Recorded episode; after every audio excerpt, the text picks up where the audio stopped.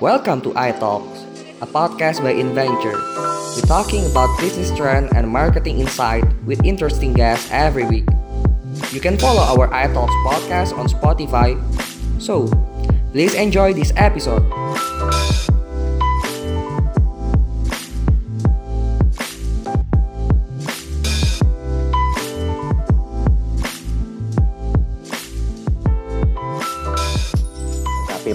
Kita pada kesempatan uh, pagi hari ini, saya sudah bersama dengan dua narasumber yang uh, akan berbagi pengalaman beliau tentang satu hal terbaru, hadirnya Gen Syariah.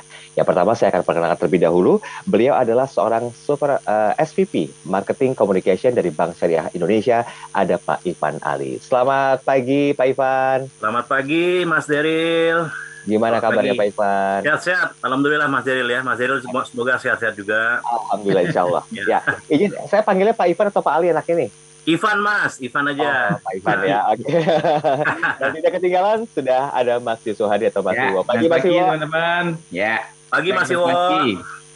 Halo, Pak, Pak Ivan. Ya, Oke, pagi. lagi. Baik, Ya. sebenarnya seperti yang sering dikatakan oleh Mas Iwo bahwa ternyata pandemi COVID-19 ini mengubah banyak perilaku masyarakat ya, entah Ya. itu perilaku-perilaku yang berhubungan dengan aktivitasnya sampai ke ranah bisnis dan juga ini pastinya berimbas kepada perbankan. Nah, kali ini eh, kita akan bicara lebih jauh tentang New Millennial Muslim post pandemic. Untuk itulah dihadirkan Pak Ivan Ali selaku SVP dari Bank Syariah Mandiri. Nah, pandemi telah mengubah perilaku milenial muslim.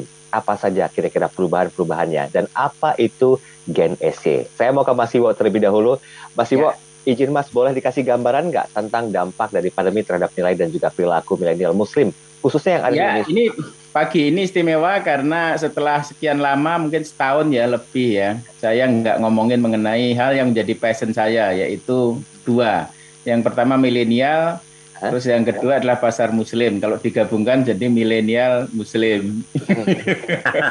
milenial muslim ya. Jadi Iya, ini iya. passion saya. Tapi selalu diingatkan kalau pas Ramadan mesti harus ngomongin itu. Makanya saya juga sekarang sudah sedang menyiapkan sebuah riset gitu mengenai ini sudah sudah hampir setahun Pak Ivan karena Ya, kita ya. tertuju semua ke pandemi jadi kita lupa sama milenial padahal buku terakhir saya ya sebelum ini adalah judulnya milenial everything ya. Everything, dan Ya. semua orang ngomongin mengenai milenial tetapi Ya. ini agak-agak lupa nih Pak Ivan karena masih belum Ya, ya. vaksin.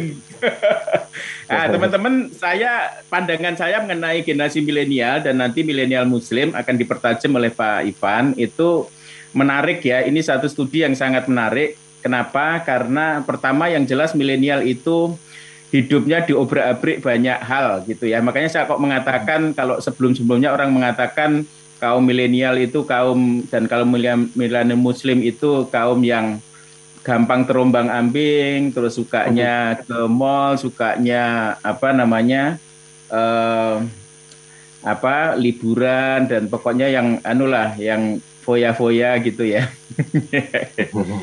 Saya kira enggak karena gini ya, karena hidupnya milenial itu penuh dengan banyak cobaan dan ketika banyak dicoba maka dia akan menjadi tangguh dan matang dan menurut saya titik sekarang ini dengan cobaan terbaru yaitu disrupsi digital dan diikuti dengan disrupsi eh, apa eh, pandemi itu menjadikan milenial itu menurut saya generasi yang paling matang gitu ya.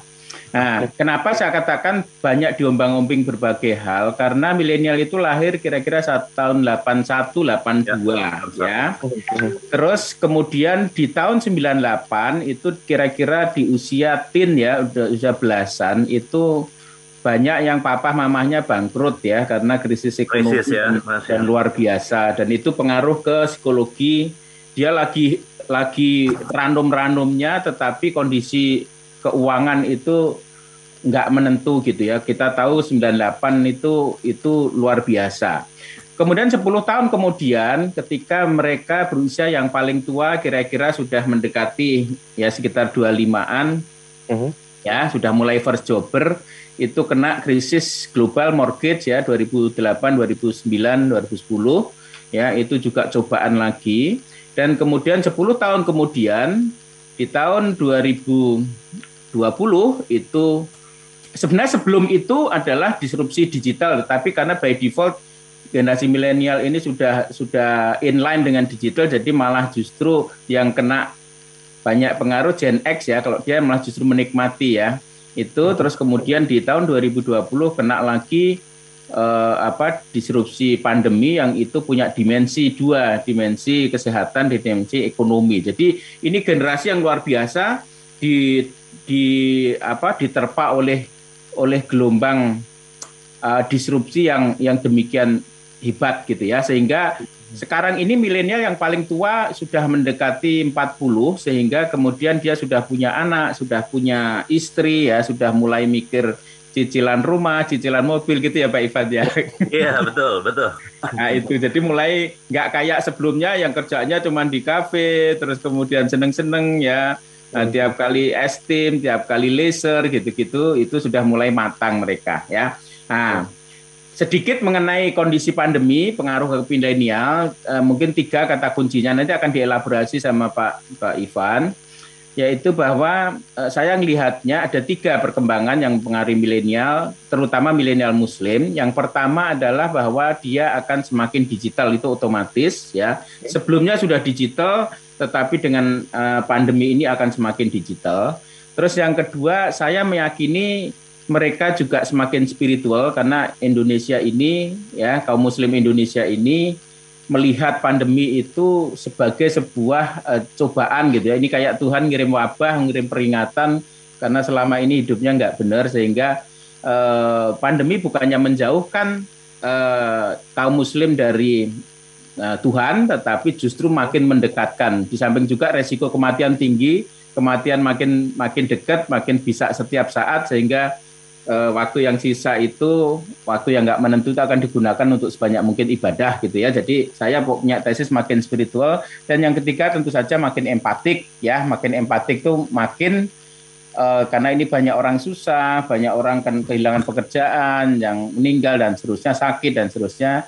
Indonesia bangsa gotong royong ya kaum muslim kita itu kalau di muslim di Islam itu siswaf ya ada zakat sodakoh infak, apa, wakaf dan seterusnya itu meningkat di masa pandemi. Nah, kaitan nanti ke generasi syariah, jadi ini menarik sekali. Saya kemarin diceritain teman-teman di BSI, mereka mendefinisikan Muslim milenial pasca pandemi itu yang kemudian inline dengan dengan analisis saya bahwa makin mateng tadi sehingga mereka juga makin uh, seimbang gitu ya. Jadi kalau sebelumnya itu nggak seimbang ya, milenial itu kalau digital banyak digitalnya kurang fisikalnya gitu ya. Oh, Terus iya. kemudian fast food mas ya. Banyak, nah, kalau belanja banyak Nah, kalau belanja banyak yang apa untuk ngopi-ngopi ya, tapi nggak ya. mikirin cicil rumah ya misalnya. Jadi jadi gitu. Tapi mulai sekarang mulai apa ya? Mulai matang dan mulai bisa menjaga diri, bisa mulai karena tadi karena tempaan yang yang luar biasa ya. tadi. Kira-kira gambarannya kira-kira kayak gitu okay. dari ini baru elaborasi singkatnya overview saja tapi uh, nanti kita akan coba bahas uh, lebih detail lagi karena dari perspektifnya uh, teman-teman dalam tanda petiknya uh, Pak Ivan Ali sendiri mengeluarkan sebuah uh, apa istilah yaitu Gen SY. Nah, gimana nih kok bisa timbul identifikasi munculnya Gen SY ini?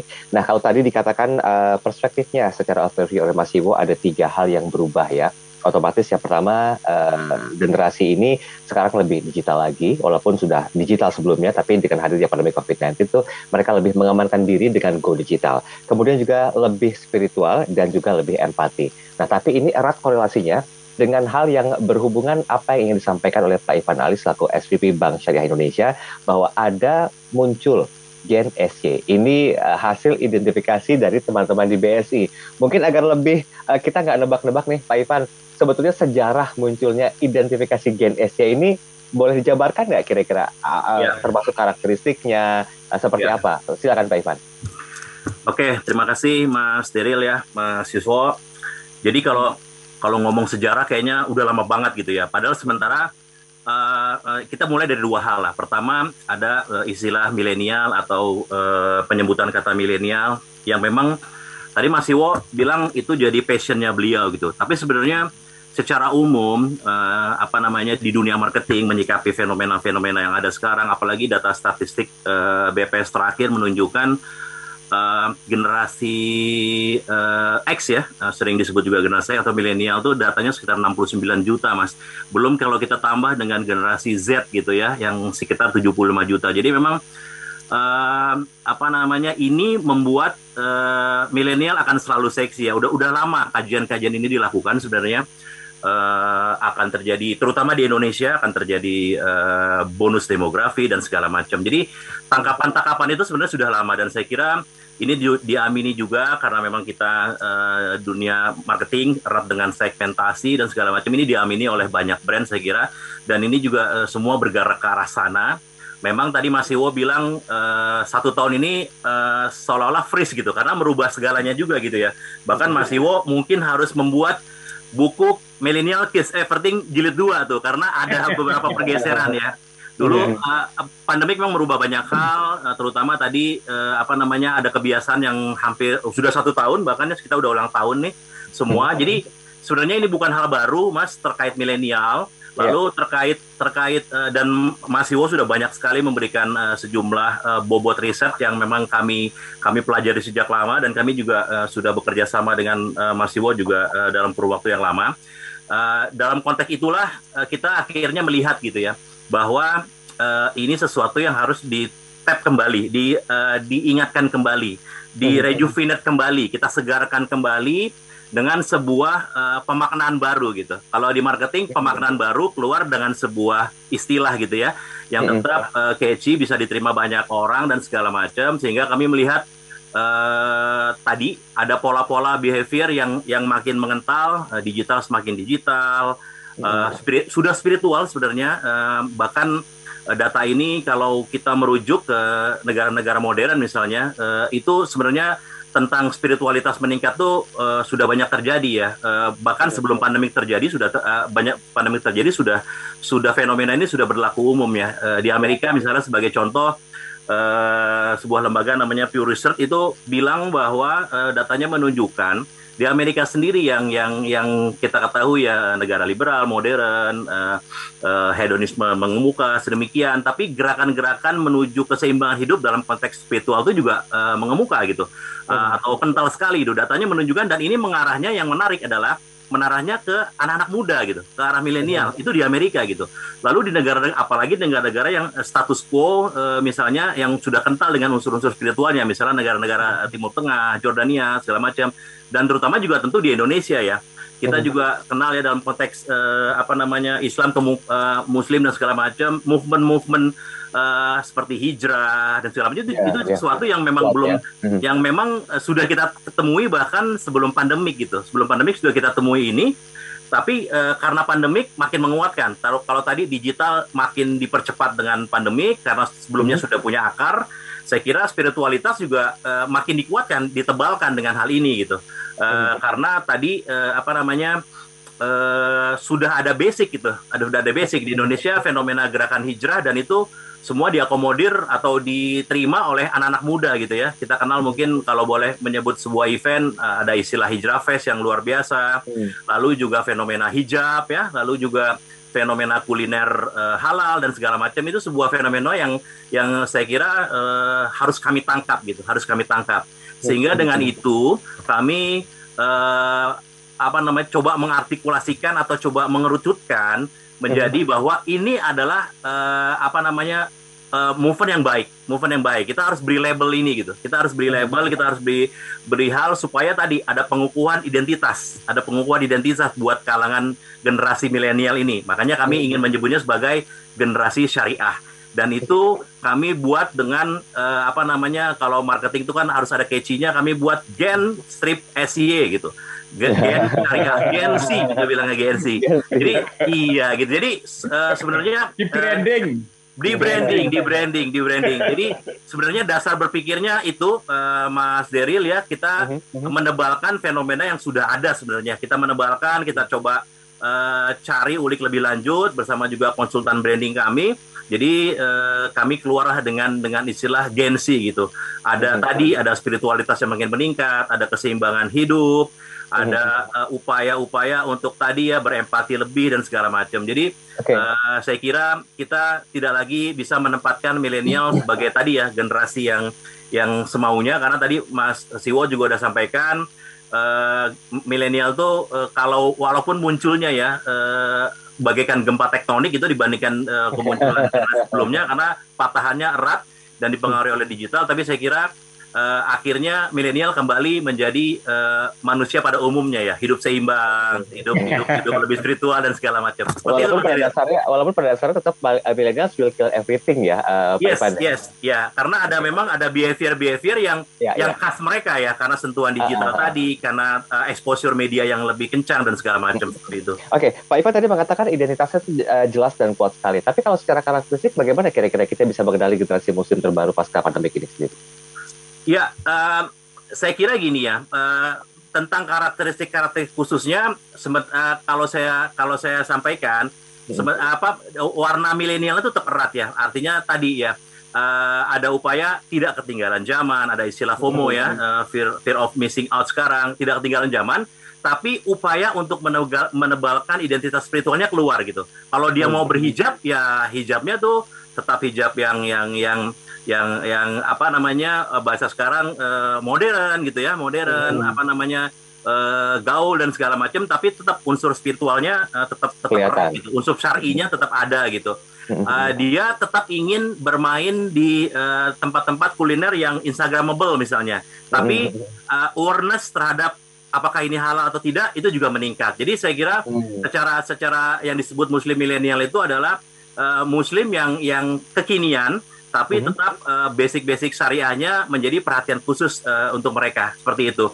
Dan jadi katakanlah kami ingin bilang uh, jalan hidup lah. Gens ini sebuah mm-hmm. jalan hidup baru generasi muslim milenial yang karena ini uh, sifatnya way of life berarti uh, apa namanya ada ada upaya untuk uh, kembali kepada hal-hal uh, hakiki tentang tentang uh, keagamaan tadi, tentang spiritualitas tadi.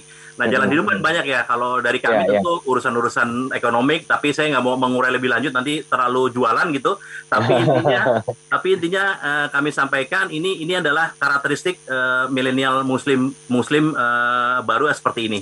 Gitu Mas Jeril. Berarti ada ada gambaran keseimbangan juga ya Pak Evan ya? Betul betul. Justru justru okay. Gen Z ini berangkat dari uh, amatan kami tentang keseimbangan tadi gitu uh, apa namanya mereka mereka suka traveling gitu tapi mereka tidak lupa untuk selalu cium tangan uh, dengan orang tuanya di rumah gitu kan ah, okay, iya okay. Uh, eh, apa uh, mereka misalnya uh, apa namanya uh, suka untuk kongko-kongko atau atau atau ngopi-ngopi tapi mereka nggak lupa juga hmm. untuk menabung gitu ya untuk hmm. menabung untuk memikirkan tadi uh, beli properti mungkin dan segala macam jadi jadi keseimbangan itu juga uh, sampai merebak ke perilaku-perilaku ekonomi juga gitu, Mas Oke, okay, baik. Tahan sebentar Pak Ivan Ali, ini kita tanya suhunya nih Mas Yo nanti di sesi ketiga gitu ya. Iya, iya. Aja Pak Ivan, apa kira-kira yang harus disamakan persepsinya? Sebetulnya kalau kalau ditarik garis lurus, ini uh, dengan hadirnya pandemi COVID-19 itu banyak generasi yang sudah mulai berubah menuju ke arah yang lebih baik gitu ya. Semakin digital, kemudian juga semakin spiritual, dan tingkat empatinya juga semakin tinggi. Bahkan teman-teman dari uh, BSI juga memberikan satu istilah baru yaitu Gen Z atau Gen Syariah. Nah tadi sudah dijabarkan sama Pak Ivan Ali. Tapi mungkin boleh uh, Mas Iwo, kalau tadi sempat disinggung masalah keseimbangan, apa kira-kira yang menjadi jadi pertimbangan hadirnya uh, New Millennial Muslim Post Pandemic ini Mas Iwo? Ya, jadi menarik insight-nya Pak Ivan tadi ya. Jadi keseimbangan dan kematangan gitu ya. Jadi uh, teman-teman, saya sih lihatnya uh, semakin uh, matangnya usia, semakin bertambahnya umur, dan kemudian contoh ya dua hal yang sangat saya lihat uh, menjadikan kaum muslim milenial itu menjadi semakin seimbang, semakin matang itu adalah misalnya contoh digitalisasi ya digitalisasi itu awalnya saya berpikir ya dua tahun yang lalu tiga tahun yang lalu saya menyebut eh, milenial itu adalah generasi yang euforia dalam hal digital ya. Hmm. Karena apa? Karena yang persentuhan pertama, tetapi sebaliknya Gen Z itu adalah generasi yang sudah matang merespon digitalisasi gitu. Makanya hmm. saya melihatnya Gen Z itu itu cenderung lebih lebih arif dalam merespon artinya nggak terus euforia semua digital gitu. Sudah mulai hmm. suka baca hmm. buku yang pakai kertas ya, suka nature segala macam. Tetapi dengan adanya inflasi yang luar biasa digitalisasi. Sekarang ini dengan pandemi itu kan inflasi sebenarnya digitalisasi. Sehingga milenial itu menjadi kenyang dan lebih cepat proses digitalisasinya matang jadi sudah istilahnya sudah katam gitu Pak Ivan. Ya, Sehingga ya. kemudian jadi yang saya pikir itu harusnya Gen Z, sekarang generasi milenial gitu. Generasi milenial pun mulai dimensi digital dan mulai digital apa dimensi fisikal itu menjadi seimbang Pak Ivan. Kalau sebelumnya itu nggak imbang, tapi karena prosesnya dipercepat, akhirnya kemudian oh ternyata digital itu cuman kayak gitu, hanya udah udah makrifat gitu, Ya, udah di ya. puncak sehingga bisa ngelihat secara helikopter view gitu. Nah, itu saya sebelumnya mempredik yang bisa melihat secara secara helikopter view itu Gen Z gitu, tapi sekarang menjadi lebih lebih ke milenial ternyata karena prosesnya yang yang cepat. Terus kemudian tadi secara waktu ya, secara usia. Milenial itu sekarang sudah mendekati 40 ya, yang paling tua ini. Ya. Nah, sehingga dia sudah punya anak, sudah punya istri, sudah nyicil mobil, nyicil rumah, sehingga hidupnya sudah nggak sudah nggak ngopi-ngopi terus lagi gitu. Sudah mulai setelah keuangan itu ngopi-ngopi juga iya, tapi juga mikir nyicil KPR gitu Pak Ivan. Jadi artinya tuh mulai Iya, seimbang gitu, nggak nggak jor-joran, nggak jor-joran ngabisin duit untuk seneng-seneng, tapi sudah mulai waduh ini ada anak, ini ada istri. Jadi itu yang menyebabkan saya bilang belum lagi yang tadi terpaan dari krisis yang itu membuat mereka menjadi lebih lebih arif gitu dalam dalam hidup gitu. Sehingga kemudian menurut saya benar tadi Pak Ivan, saya kira banyak dimensi kehidupan dari milenial itu mulai ditata eh, apa ke kiri oke tapi kanannya juga oke gitu. Jadi ngatur keseimbangan jenjang itu mulai berjalan. Yang ini oleh teman-teman BSI ditangkap dalam berbagai aspek apa misalnya eh, pengelolaan keuangan, yang ngatur keuangan rumah tangga itu itu mulai seimbang gitu, ya Pak Pak Ivan kira-kira Ya, ya. ya, ya. Silakan Pak Ivan kalau ingin menanggapi. Eh, ya, eh, ini eh, menebalkan saja apa yang tadi eh, Mas Iwo sampaikan. Saya kira memang eh, tadi ya, eh, saya harus mengulang-ulang ini biar eh, pemaknaannya dapat tadi. Tadi Mas Iwo sebut kata eh, kalau Sufi ngomong marketing gitu, makrifat wah. Ternyata milenial tuh eh, apa namanya? eh, jalan suluknya tuh udah Pikirannya. sampai jalan suluknya tuh udah mencapai eh, tingkat makrifat dalam konteks digital Eh, dan Konsep saya kira tinggi ya. betul konteks tertinggi gitu. Jadi saya kira eh, itu juga benar gitu ya. Ternyata yang menarik gitu, yang menarik eh, apa namanya eh, walaupun juga eh, trigger pandemi, trigger pandemi juga menyiratkan itu. eh, kami menangkap misalnya eh, empati-empati itu sangat tumbuh ya luar biasa ya terutama di kami tadi ada kalau di di di eh, konteks empati itu dalam konteks Islam itu ada istilah ziswab ya misalnya eh, zakat infak sodako wakaf dan segala macam. Kami itu ada ada eh, aplikasi yang juga eh, memudahkan untuk itu tumbuhnya luar biasa. Dan dan saya kira eh, kalau di data kami menyebutkan penggunaan BSI Mobile tuh atau eh, mobile eh, banking itu didominasi oleh anak-anak muda karena tadi digital eh, saya kira memang memang ini eh, ini bukti nyata gitu bukti real ya. Apa apa yang eh, kita amati bertemu dengan realitas bahwa tadi pemanfaatan digital oleh oleh oleh milenial ini arahnya juga bukan untuk sekedar eh, senang-senang ya. Tidak tidak tidak eh, tidak apa namanya yang disebut orang sebagai eh, netizen nyinyir dan segala macam tapi juga netizen yang penuh empati gitu. Netizen yang penuh kepedulian dan segala macam. Saya kira saya kira eh, ini ini ada hal yang menarik ya untuk untuk untuk terus eh, diulik lebih lanjut dan menjadi sebuah movement yang harus kita kita berdaya gunakan gitu karena tadi eh, sedih juga ya kalau milenial tuh selalu eh, hal-hal yang sifatnya gampangan, instan dan segala macam, tapi ternyata nggak terlalu begitu gitu. Perilakunya nggak terlalu begitu. Mereka juga tadi, apalagi kalau milenial yang tua itu udah mulai eh, 35 40 itu kan udah mulai memikirkan the next eh, stage of life-nya mereka gitu. Ya, Jadi saya kira ini sesuatu yang yang yang eh, harus eh, kami tangkap. eh, eh, apalagi kami juga bergerak dalam konteks eh, ekonomik eh, ekonomik eh, apa namanya ekonomik movement ya. Kita kita kita memiliki banyak hal yang untuk bisa eh, kami dekati kepada milenial. Eh, eh, eh, kepemilikan rumah kepemilikan kendaraan eh, tabungan haji untuk milenial dan segala macam. Saya kira ini ini harus kami manfaatkan sebaik-baiknya dan kami tadi eh, labeli dengan dengan hal-hal yang tadi eh, penguatan ident- identifikasi ya identifikasi mengenai generasi syariah tadi itu Mas Daryl. Baik, baik. Saya uh, cek WhatsApp ada beberapa komentar yang masuk. Uh, izin sebentar Mas Iwo dan juga Pak Ivan ya. Ya, ini ya. ada uh, sebentar siapa ini? Ada Leni. Selamat pagi Pak Ivan dan juga Mas Iwo. Uh, seru pembahasannya pagi hari ini. Uh, saya ingin menanyakan apakah internal BSI sendiri itu memadupadankan antara generasi milenial dan juga uh, generasi yang sudah di atas uh, sebelum milenial. Dalam artian uh, bagaimana mengkombinasikan hal yang berhubungan dengan struktur pekerjaan. Apakah memang harus mengikuti milenial atau sebaiknya? Atau sebaliknya katanya. Oke, terima kasih. Mungkin Pak Ivan boleh menyikapi langsung pertanyaan dari Leni ini?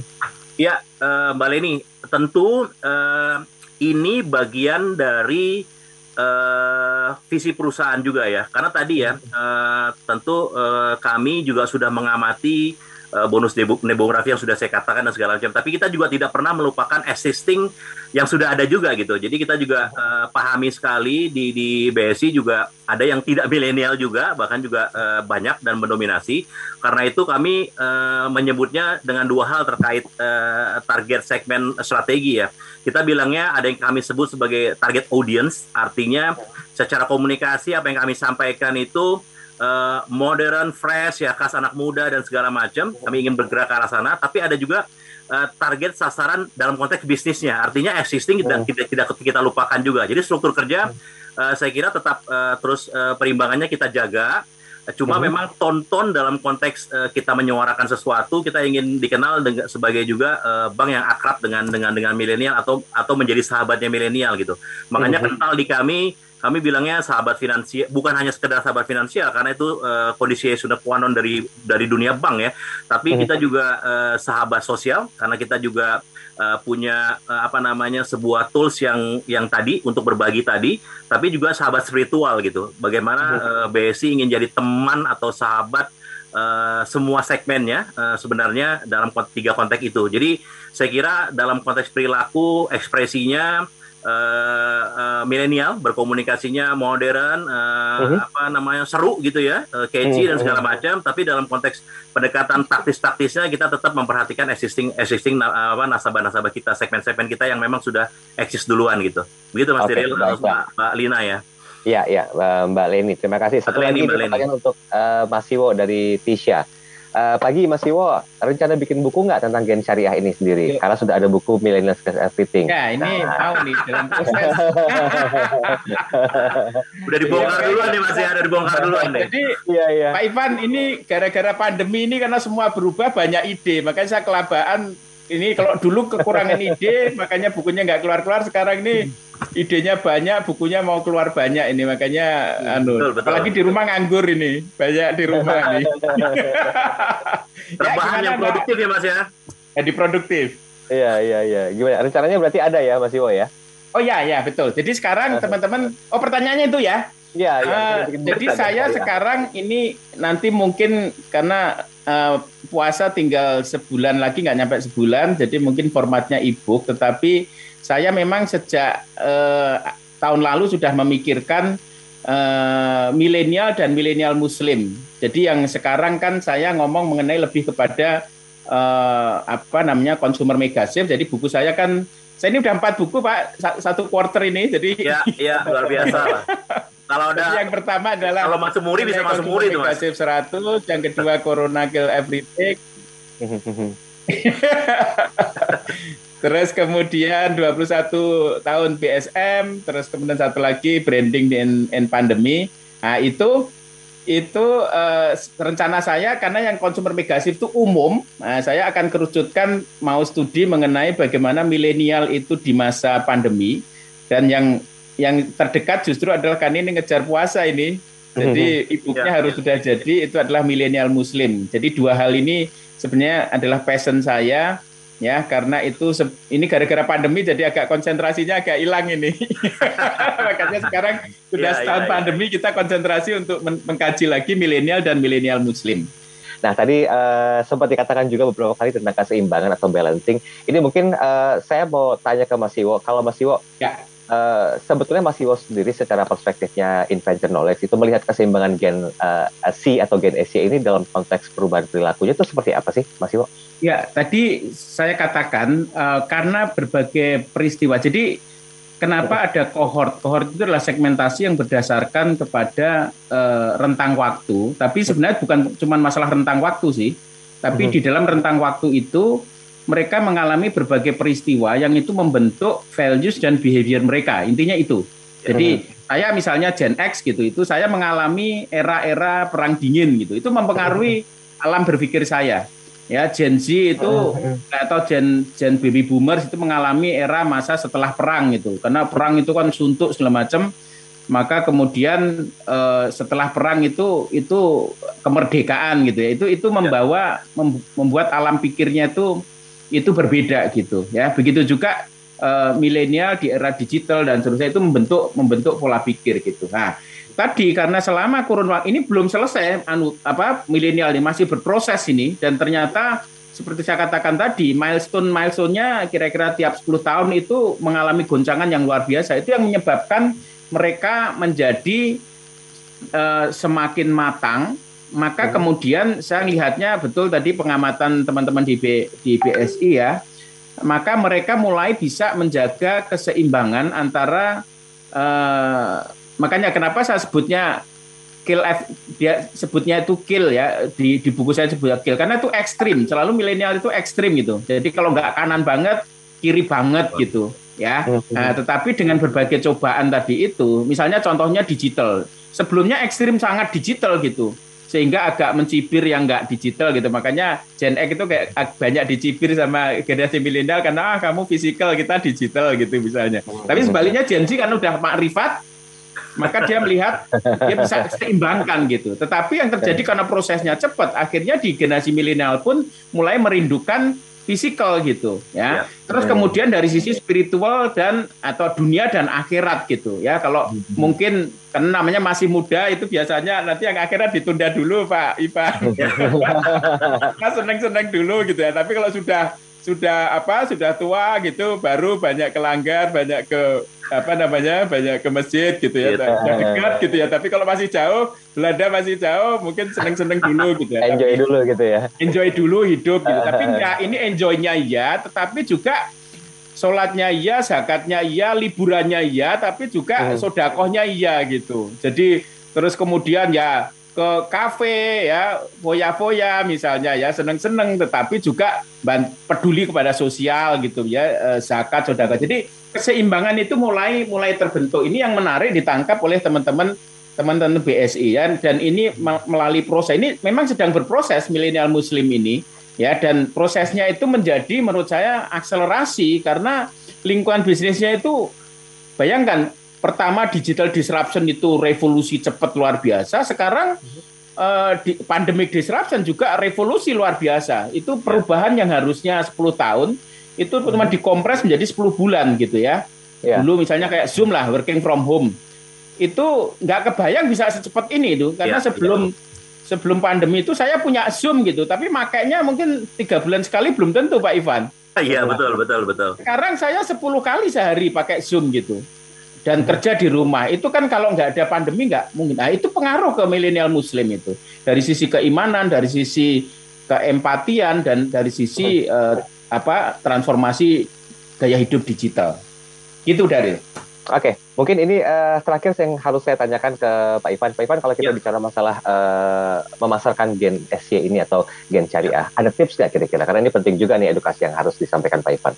Ya, uh, saya kira uh, apa namanya uh, kalau konteksnya uh, kemarkoman gitu ya sesuai hmm. dengan uh, kapabilitas saya tipsnya umum biasa-biasa saja sebenarnya biasa-biasa saja tapi elaborasinya tuh yang tidak biasa gitu.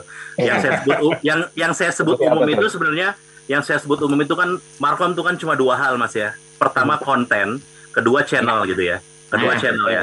Jadi jadi terkait konten terkait konten saya kira uh, tadi ya kita paham uh, milenial seperti apa, punya behavior bagaimana, punya uh, gaya atau pendekatannya seperti apa sehingga konten tuh harus merujuk ke arah sana gitu, catchy dan segala macam. Terkait seimbang ya tadi terkait seimbang misalnya kita bisa bilang uh, ngejim rajin, ngaji rutin gitu kan misalnya ya. Iya, iya. misalnya misalnya kalau konten misalnya sneakersnya gonta-ganti tapi uh, sedekah tiap hari gitu kan. Jadi, okay, jadi kita okay. pakai-pakai gaya-gaya konten gitu. Demen traveling tapi jenguk jenguk nyokap sering kayak gitu-gitu ya.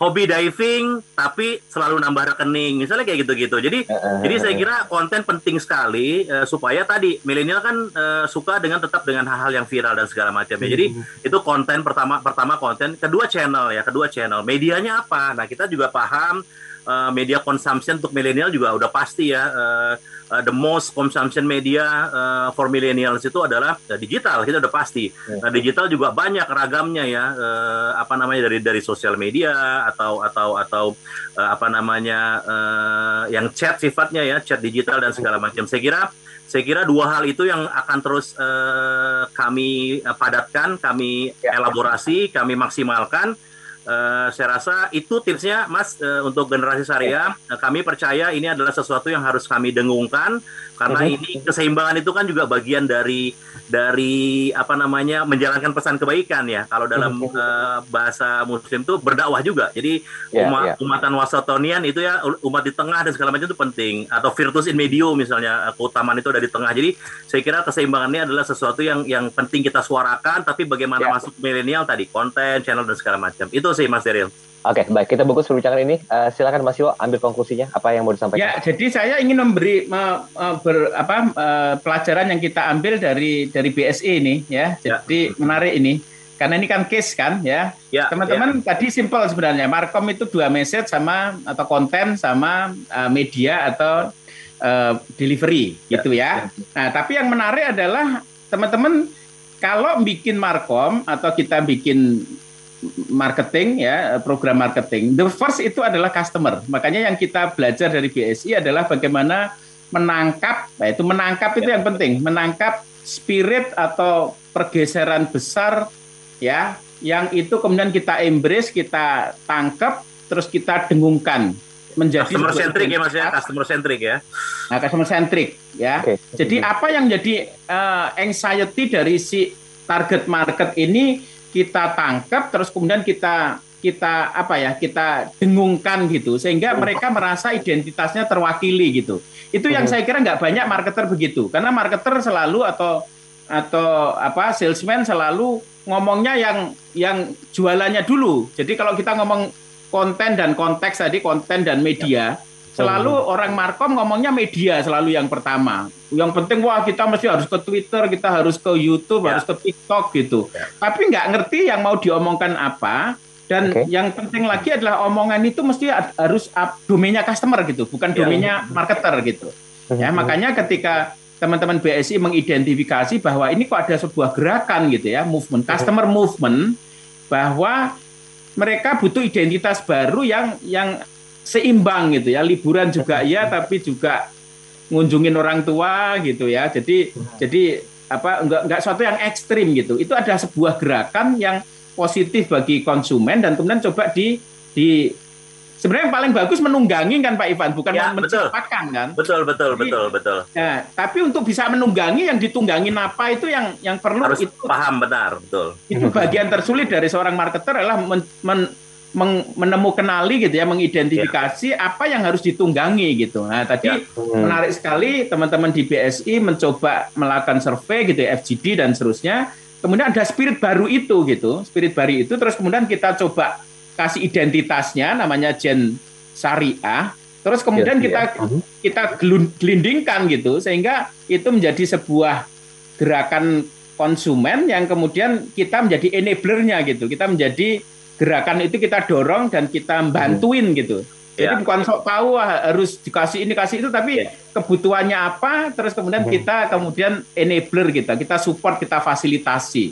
Jadi hmm. memang raja konsumen itu, sehingga ya. kita mesti harus ngikut dia, nggak bisa maunya kita kayak gini terus kamu harus ke sini nggak nggak begitu itu lebih ya. berat itu yang bisa kayak gitu cuman Apple Iya, Steve Jobs doang itu yang bisa kayak gitu. sama Facebook itu bisa kita dibentuk sama mereka. Tetapi yang paling efisien adalah apa perubahannya, terus kemudian kita identify kalau perlu di branding ya kasih gen mhm. gen gen gen Z gitu. Ya. Nah, terus konsumen merasa oh ini kok gue banget. Nah, baru kita main medianya gitu. Kira-kira gitu okay. uh, dari okay. Mas Yul, terima kasih banyak waktunya Pak Ipan Ali. Terima kasih Mas Eril. Salam buat semua teman-teman BSI ya. Ya, salam Gensi Mas Eril. Salam, salam Gensi. Oke, terima kasih Pak Ipan. Salam Gensi.